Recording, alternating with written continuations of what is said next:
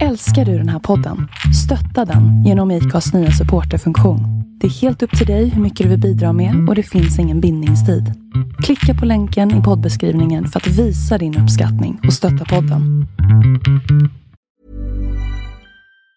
Hej, det är Ryan Reynolds och jag är här med Keith, co-star of my upcoming film If, only in theaters May 17th. Do you want to tell people the big news? All right, I'll do it. Sign up now and you'll get unlimited for $15 a month in six months of Paramount Plus Essential Plan on us. Mintmobile.com slash switch. Upfront payment of $45 equivalent to $15 per month. Unlimited over 40 gigabytes per month. Face lower speeds. Videos at 480p. Active Mint customers by 531.24 get six months of Paramount Plus Essential Plan. Auto renews after six months. Offer ends May 31st, 2024. Separate Paramount Plus registration required. Terms and conditions apply if rated PG. Innehållet i det här avsnittet är baserat på information från nätet och vissa detaljer kan därmed vara obekräftade. Jag vill varna känsliga lyssnare för våldsamt och grafiskt innehåll.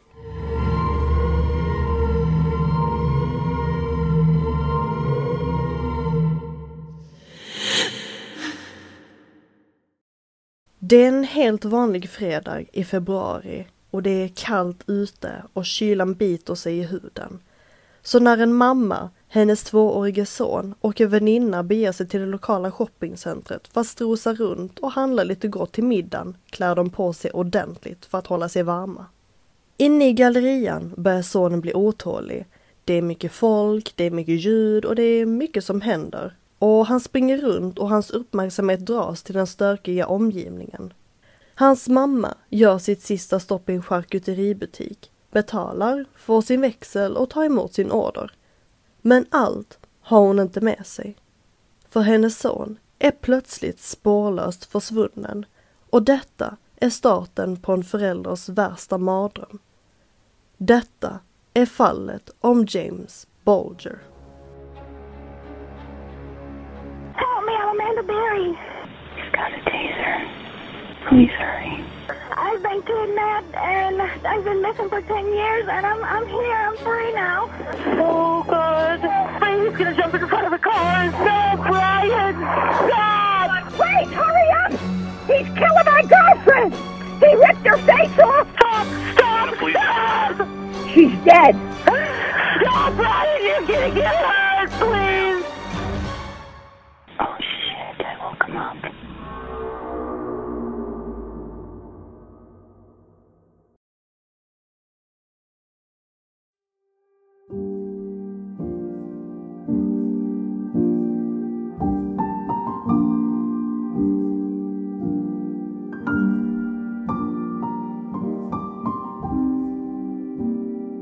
James Patrick Bolger, även kallad Jamie, föds den 16 mars 1990 i Kirkby, England till föräldrarna Denise och Ralph Bolger, som några år tidigare förlorat en dotter vid födseln och nu är paret lyckliga när de väntar Jamie. Denise har alltid drömt om att bli mamma då hon kommer från en stor familj och älskar att vara bland barn. När Jamie föds år 1990 är han älskad av alla.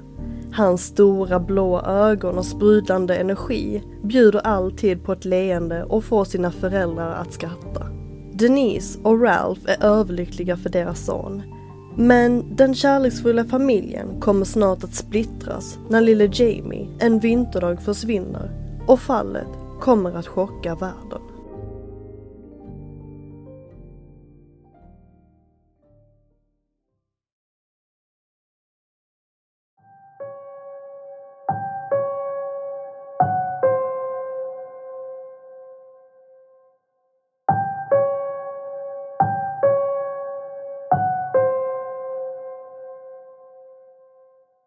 Fredagen den 12 februari 1993. En kylig vinterdag och solen gömmer sig bakom några tjocka gråa moln. Mamma Denise är hemma med tvåårige James när det plötsligt knackar på dörren. Denise öppnar och ser att det är hennes väninna och hon frågar om Denise vill följa med ner till det lokala shoppingcentret. Denise tycker att det skulle ändå vara skönt att få komma ut en sväng och hon skulle ändå handla lite inför middagen. Det är väldigt kallt ute, så Denise klär på James i sin tjocka vinterjacka, halsduk och ett par vantar.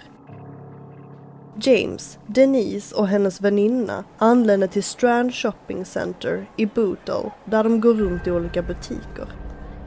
James, som är ett lite av ett energiknippe, springer runt otåligt i butikerna medan Denise och hennes väninna kollar runt. Det är ibland svårt att hålla ett öga på James men Denise tycker att hon har bra koll. De ska inte bli länge kvar i gallerian och precis innan de ska bege sig ut bestämmer sig Denise för att stanna förbi AR Times charkuteri. Precis som i andra butiker börjar lille James bli otålig och springa runt. Denise försöker få besöket att gå snabbt så hon gör sin beställning, sträcker fram pengarna för att betala och få växeln tillbaka.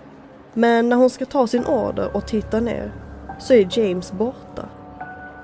Denise ropar på James och tittar runt i butiken, men han är inte där. På bara några sekunder är James spårlöst borta.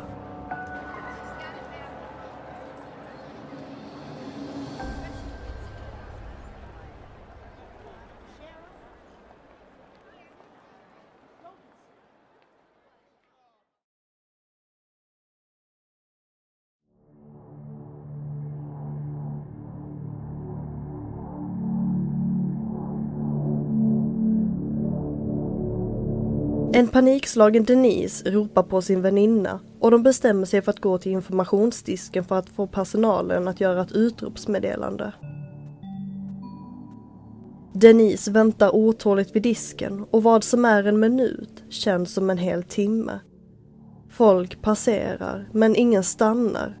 Och efter några minuter inser Denise att ingen kommer komma förbi.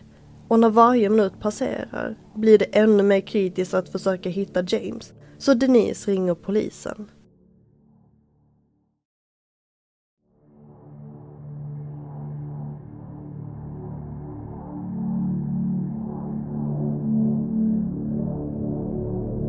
Den som åker på larmet är konstapeln Mandy Waller.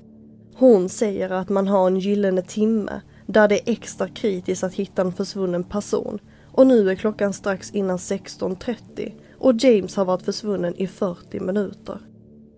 Utanför shoppingcentret finns det en busstation och det börjar bli fullt med människor som både ska in och ut från gallerian samtidigt som stationen kryllar av människor. Mandy inser att läget börjar bli kritiskt och beger sig till Strand Shopping Center. Vid informationsdisken träffar Mandy en totalt förstörd Denise som gråter hysteriskt och försöker få fram hela meningar. Men det är svårt. Mandy försöker lugna Denise så gott hon kan för att få reda på vad det är som har hänt James. Mandy behöver ha så mycket information som möjligt om den lille James för att kunna förstå om han är ett barn som skulle kunna springa iväg. Visst var James ett energiknippe och lite otålig men James, som har varit ute med Denise flera gånger, skulle aldrig bara ge sig iväg frivilligt sådär. Något allvarligt måste ha hänt och nu jobbar tiden mot konstapel Mandy och mamma Denise.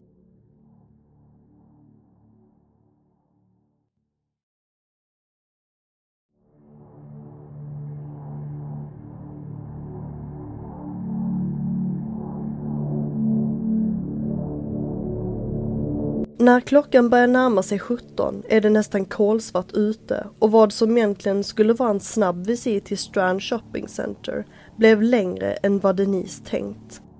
Allt Denise ser genom sina tårfyllda ögon är hur lille James ute i mörkret, ensam och fryser trots sin tjocka vinterjacka, vantar och halsduk.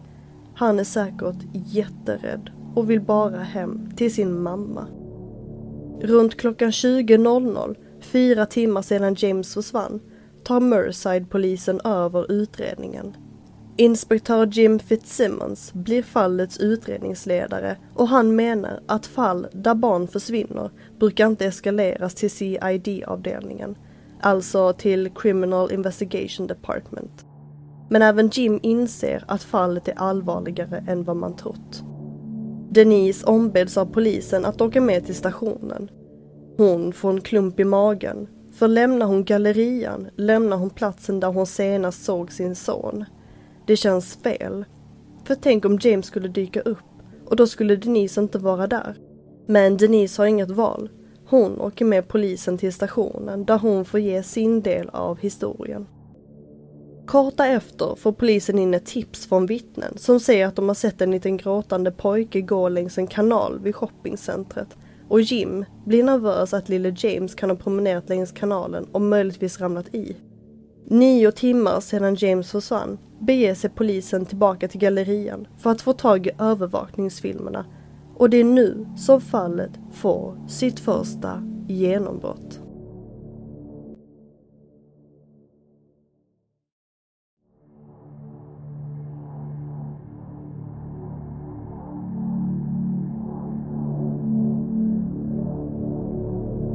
Strax efter midnatt får Jim ett samtal från sina kollegor.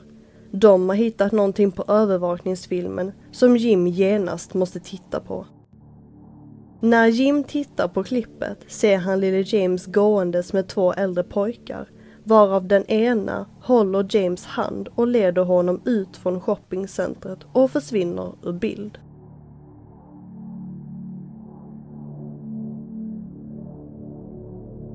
Jim spolar tillbaka. Han måste se det igen.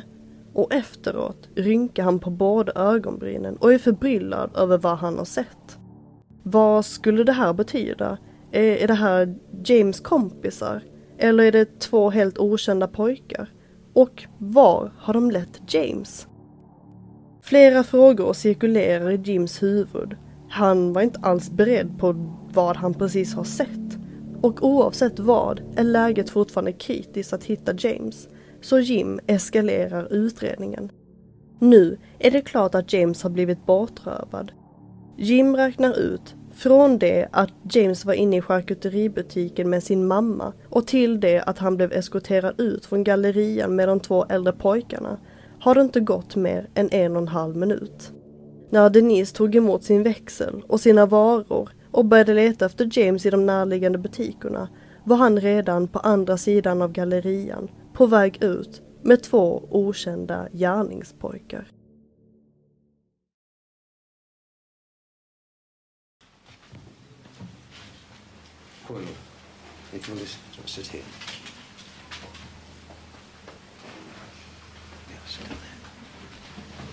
This is Superintendent Mike Hogarth. Denise and Ralph. This is Ramadan. This is Detective Chief Inspector Jeff MacDonald. Mr Hogarth will read 17 timmar efter James försvinnande hålls en presskonferens med Denise och Ralph. When I lost him, you of. Pressen har fått nys om den försvunne James och Denise hoppas på, med hennes och Ralphs medverkan, att folk ska höra av sig med tips. Ansvar så jag, jag your appeals to? If you've got me baby, back.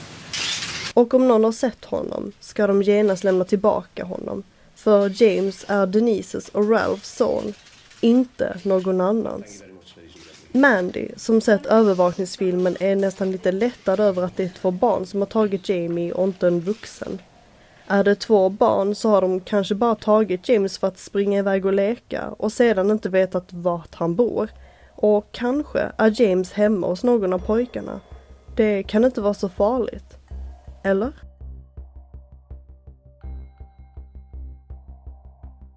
Även Jim och Denise har hoppet uppe. Kanske försökte pojkarna skoja med James och så gick något snett. Denise är nästan säker på att det snart skulle knacka på dörren och där skulle pojkarna stå med lille James. För inte kunde pojkarna försöka ta hem honom till sig och uppfostra honom på egen hand. De är ju alldeles för små för det.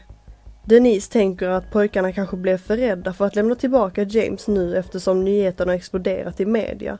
Men kanske skulle någon snart lämna in ett tips. Kanske pojkarna själva. Polisen börjar leta efter närliggande övervakningskameror för att försöka spåra vart pojkarna och James tog vägen.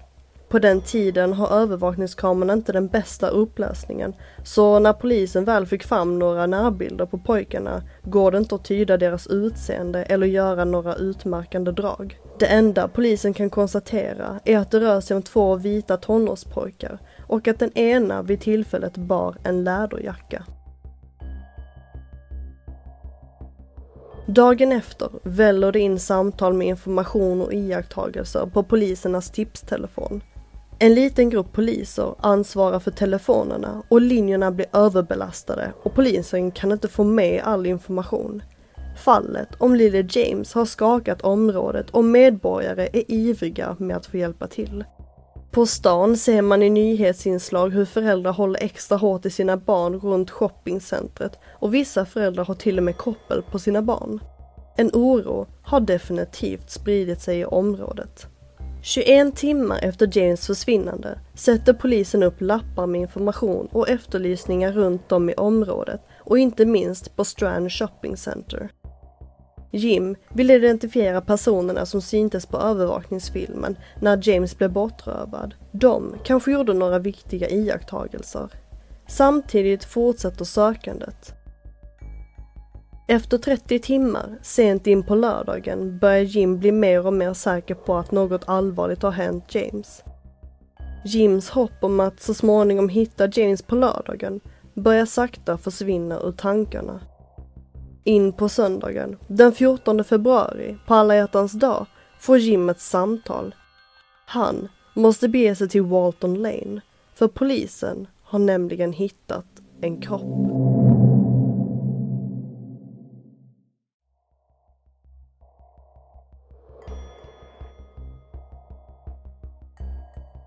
En äldre kvinna boendes i närheten av Walton Lane säger att hon har sett en pojke, lik James, med två äldre pojkar i närheten av hennes hem dagen då James försvann.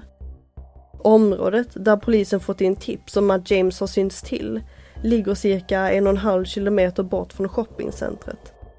Runt klockan 16.20 har James och pojkarna setts i Walton Lane. Det är med rask fart och bestämdhet som pojkarna medvetet får bort James. Medan Jim är i Walton Lane försöker konstapeln Mandy att underhålla Denise och se till att hon inte är ensam. Mandy föreslår att hon och Denise kan åka på en biltur för de kanske kan se James när de är ute och kör. Men under bilturen får Mandy plötsligt ett samtal. Det är hennes kollega som säger att hon och Denise omedelbart måste bege sig till polisstationen och att Mandy måste stänga av sin polisradio. Denise får inte höra nyheterna förrän hon kommer till stationen. Denise försöker pressa Mandy på information, men Mandy säger att hon inte vet och de bara måste åka in till stationen genast. Men Denise vet. Hennes mamma-instinkter vet att hennes lille James har blivit hittad och att det inte skulle sluta lyckligt. Manchester United are out of the FA Cup. Police searching for the Merseyside toddler James Bulger say a body's been found on a railway embankment close to where he went missing. There's been no formal identification, but the police have confirmed that the body is that of a small boy. På polisstationen får Denise veta att hennes tvåårige son James har hittats död på en tågräls cirka tre kilometer från Strand Shopping Center. Denise ser svart. Hon hör vad alla omkring henne säger, men hon ser inte någonting. Denise är i total chock. Sedan ger hon ifrån sig ett hjärtskärande skrik som ingen på stationen glömmer. Denise kollapsar och fortsätter att skrika och gråta. Hon som har förlorat en dotter under förlossningen för några år sedan har nu även förlorat sin son.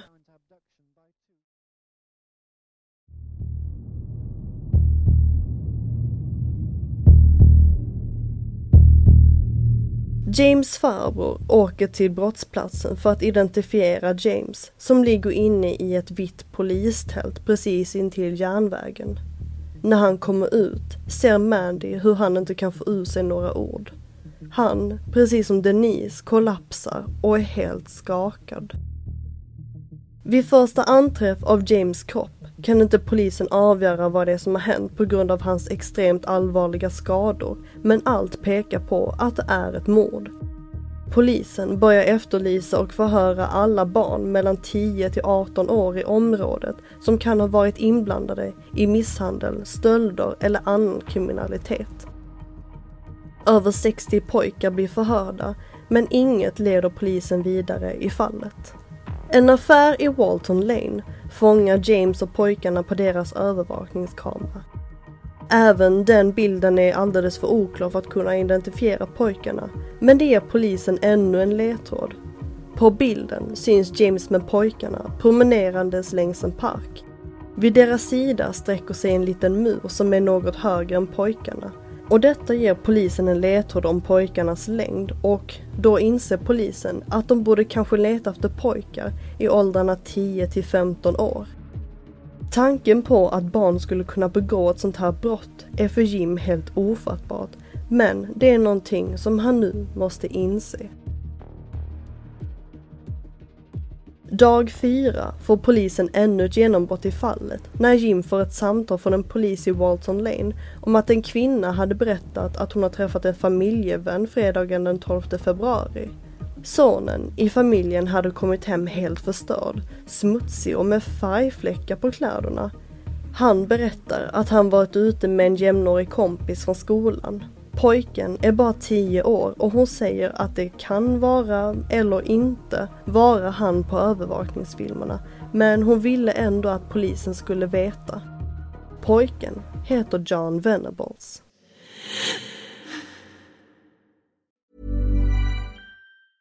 Cool fact a crocodile can't stick out its tongue. Also, you can get health insurance for a month or just under a year in some states. United Healthcare short term insurance plans, underwritten by Golden Rule Insurance Company, offer flexible, budget friendly coverage for you. Learn more at uh1.com.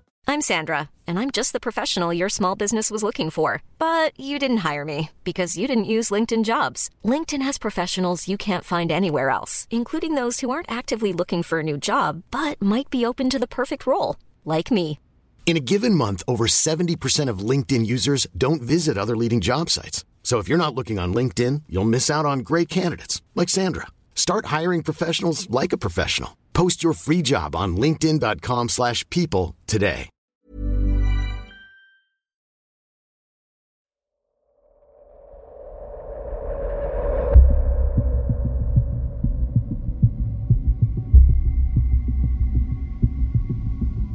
John är en tioårig pojke som går på St. Mary's i Bedford och Jim lyckas få tag i rektorns telefonnummer. När Jim pratar med rektorn frågar han om John Venables var i skolan i fredags. Nej, säger rektorn. Han skolkade med en klasskamrat som heter Robert Thompson. Jim kan knappt tro sina öron, för detta blir ännu ett framsteg i fallet när Jim får reda på att Thompsons bor i Walton Village, relativt nära där James kropp hittades. Torsdagen den 18 februari klockan sju på morgonen åker ett gäng poliser hem till John Venables och griper honom. De tar jackan som John hade på sig på fredagen när han och Robert förde bort James och polisen för honom till stationen. Ett annat team av poliser åker hem till Robert Thompson och griper även honom. Utredaren Phil Roberts och Laurie Dalton är på plats hos familjen Thompsons och när de träffar Robert berättar de på ett förenklat sätt varför de är där och varför han behöver följa med till polisstationen för att svara på några frågor. Roberts ögon tittar åt alla möjliga håll. Han är uppenbarligen nervös och bryter ihop. Phil ringer senare upp sina kollegor och berättar att han kan knappt förstå att han ska förhöra ett litet barn. Visst har Phil arresterat och förhört barn tidigare, men inget likt detta fall. Robert och John förs till två olika polisstationer och förhören är bestämt att dra igång klockan 17.00.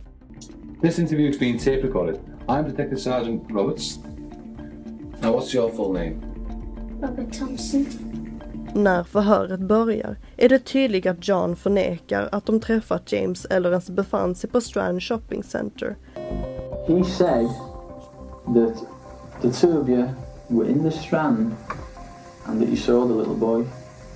We never. We never. Men Jim lägger fram bevis. Det är på förmiddagen den 12 februari som en butikschef vid en affär på Strand Shopping Center ser Robert och John som kikar in i butiken med händerna på fönstret. Enligt butikschefen ska pojkarna ha rört fönstret flera gånger och då får polisen möjlighet att ta deras fingeravtryck som de senare kan lägga fram som bevis och stryka att Robert och John faktiskt var vid shoppingcentret.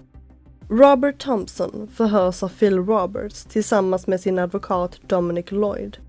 Robert är tuff och han verkar vara lugn och har lite av en attityd.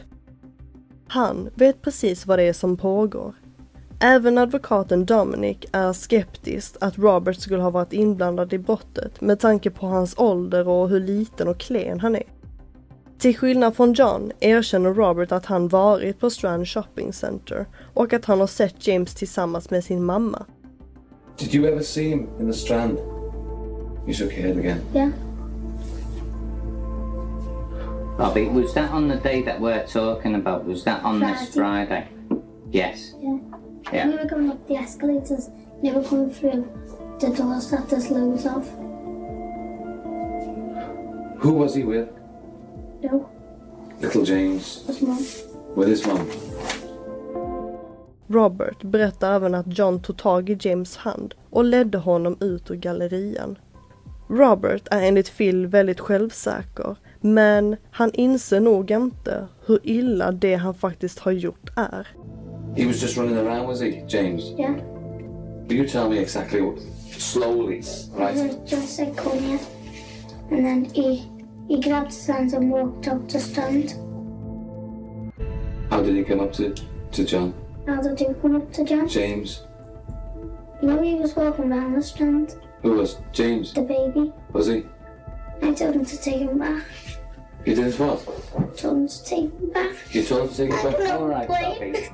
No, you're not getting all the blame. I'm just asking your son. I'm trying to find the truth. the blame. Wait a minute, Bobby. Polisen har en stor utmaning framför sig och det är att försöka ta reda på vad det är som har hänt lille James efter att han försvann från Strand Shopping Center den 12 februari. Det är alltså Robert och John, två tioåriga pojkar som ska försöka berätta hela historien och polisen ser det som en tuff utmaning. Phil Roberts menar att när man förhör små barn så gäller det att försöka bygga upp en vänskap för att på så sätt försöka få tillit. En tillit som ska kunna vara en viktig pusselbit i att försöka få ihop vad som har hänt James. Phil, som förhör Robert, märker att han är lättare att prata med än John. Robert erkänner det mesta, förutom att han har mördat James. Men John förnekar allt. Han är en mycket tuffare och arrogantare karaktär än Robert. Men Robert är inte så dum. Phil och Laurie märker att Robert räknar ut när han ska gråta för att försöka få empati. Vid tysta och stela stunder brister Robert ut i gråt. Men det går inte polisen på. De ger honom en chokladbar och cola och då lugnar han ner sig. Robert frågar flertal gånger när han ska få gå hem eftersom han tror ju att polisen går på hans skådespeleri. Detta blir ett mönster som upprepar sig flera gånger under förhöret. Men när Robert blir otålig och frågar igen om han får gå hem och polisen svarar att de vet inte, får Robert nog. Han säger något som chockar utredarna. Don't ever want to kill him when I've got a baby of my own. I'm trying If I to. wanted to kill a baby, I kill a, I kill my own, wouldn't I? Was he able to talk? No. James? Yeah. What did he say to you?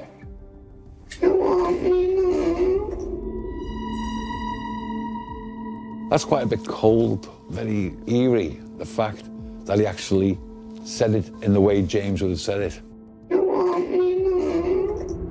Jim, som förhör John, berättar att Robert har precis avslöjat allt för polisen och till slut erkänner även John att han har varit på Strand Shopping Center. Yeah, we was, but we never saw any kids there. We never robbed any kids. So you were in Bootle New Strand. Was you in Bootle Strand? we never got a kid, Mum. We never. We never got a kid. Would you, um, I must ask you not to get angry with it. I never got the boy. I never killed him, Mum. Johns mamma, som sitter med på förhöret, säger till sin son att familjen alltid kommer älska John och stötta honom genom allt. Men han måste berätta för polisen vad som har hänt. Då får polisen sitt genombrott och får höra hela berättelsen. So we walked up to him and we were walking around with him and I took his hand.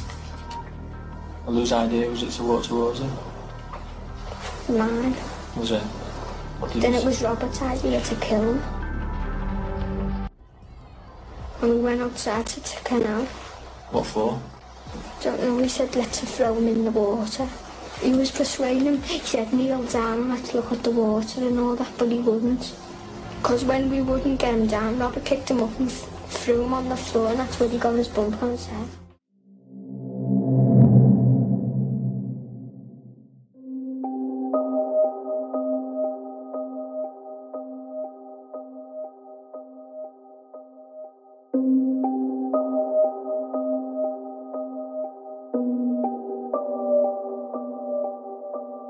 Fredagen den 12 februari 1993 bestämmer sig John Venables och Robert Thompson att skolka från skolan. Pojkarna beger sig till Boodle och Strand Shopping Center där de snattar godis från en butik och senare får de syn på en tvåårig pojke och en treårig flicka som de leder bort från sin mamma när hon inte ser. Mamman inser senare att hennes barn är borta och börjar leta i ren panik. Kort därefter hittar hon sin dotter som säger att två pojkar gått iväg med lillebror. Mamman tar med sig dottern och springer iväg, ut och letar efter sin son. Senare får hon syn på sin son tillsammans med John Venable som ser mamman och han ber sonen att gå tillbaka till sin mamma. Men John och Robert var inte nöjda där. Robert och John beger sig tillbaka in i gallerian där de får syn på lille James som springer omkring i charkuteributiken. Kom hit, säger John till James som springer upp till honom. John tar tag i James hand och leder honom ut från gallerian tillsammans med Robert. John och Robert för James till Walton Village och går längs järnvägen. James gråter och vill ha sin mamma. Robert och John vet inte vad de ska göra, men att ta tillbaka James till sin mamma kommer inte på frågan.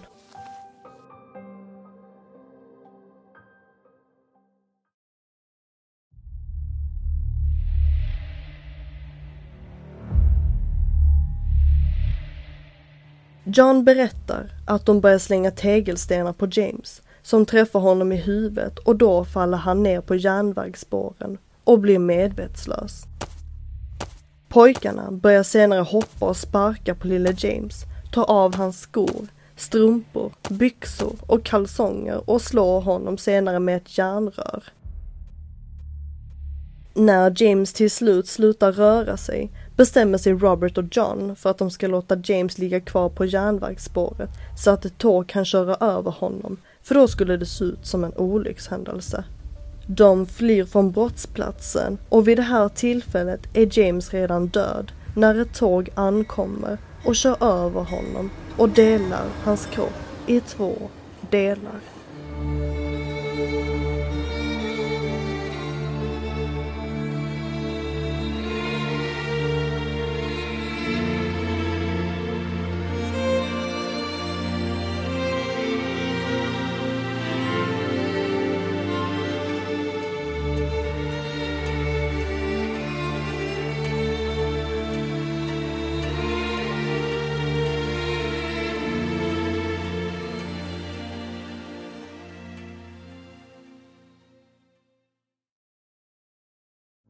Two 10 year old boys from the Walton area have been charged with the abduction and murder of James Bulger.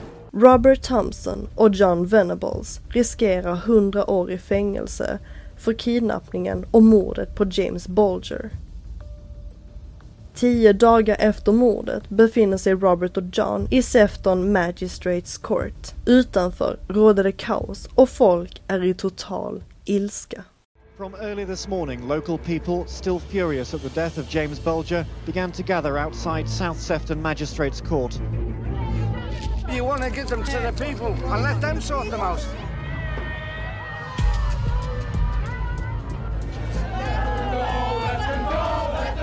Let them go, they chanted.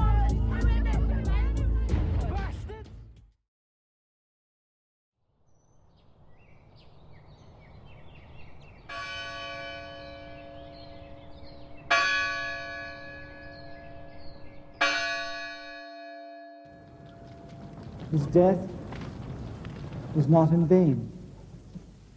Something in James Patrick has touched the whole world, and we wish that we could turn the clock back two and a half weeks. We wish we could make things better.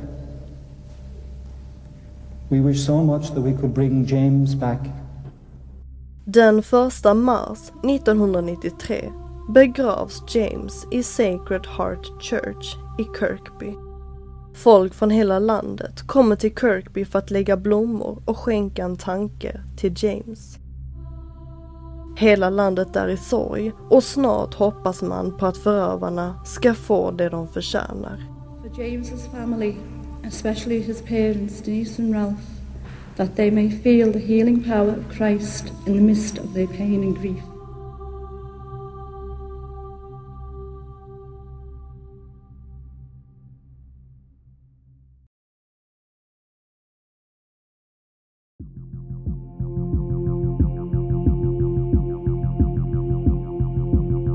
Den 1 november 1993 hålls rättegången mot Robert Thompson och John Venables.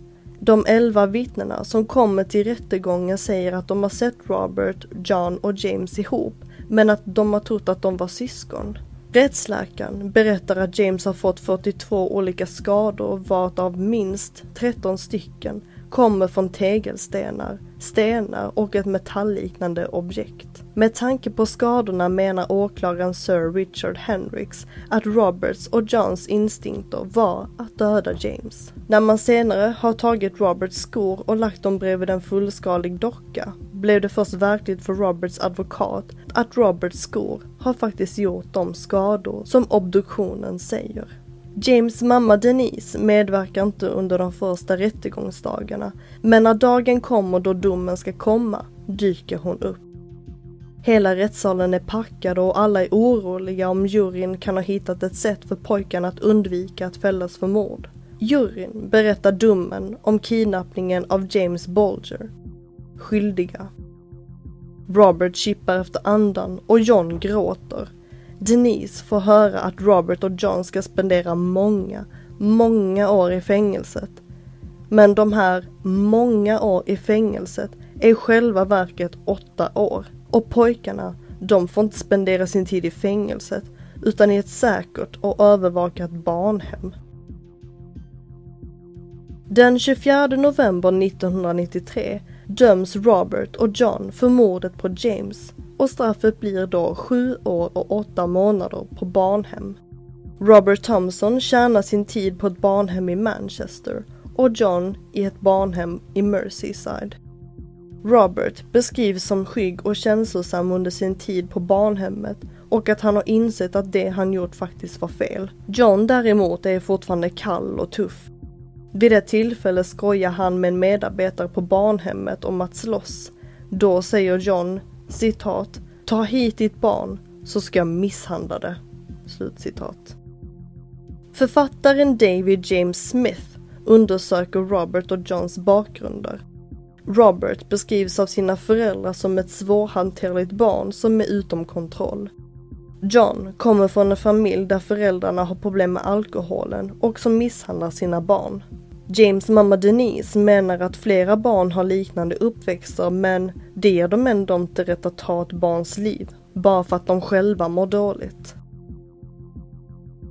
I juni 2001 släpps Robert Thompson och John Venables. De garanteras nya identiteter och livslång anonymitet för att kunna leva ett normalt liv. Robert har hållit sig utanför polisens radar medan John har åkt in och ut ur fängelset. År 2010 dömdes John till två års fängelse för innehav av barnpornografi. År 2017 åker John in i fängelset igen för innehav av barnpornografi. John ska då även ha utgett sig på nätet för att vara en mamma med ett barn som skulle låta andra att få ofreda sitt barn. I september 2020 nekas John frigivning och idag tror man att John fortfarande sitter i fängelset. Denise var säker på att John skulle hamna i trubbel igen.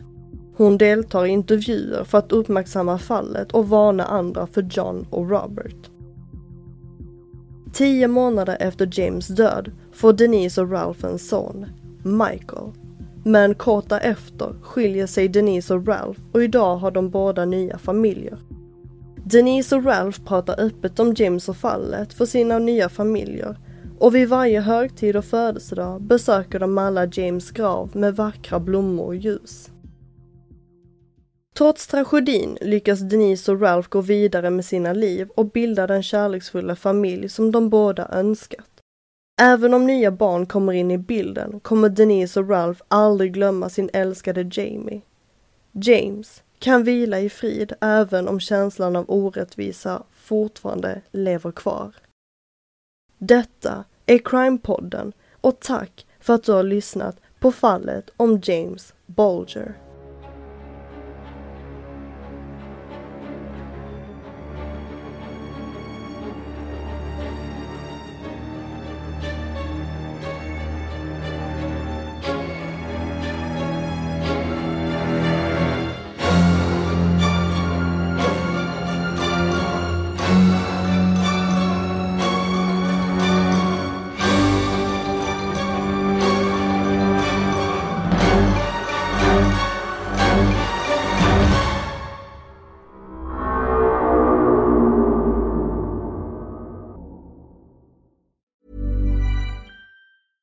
Planning for your next trip?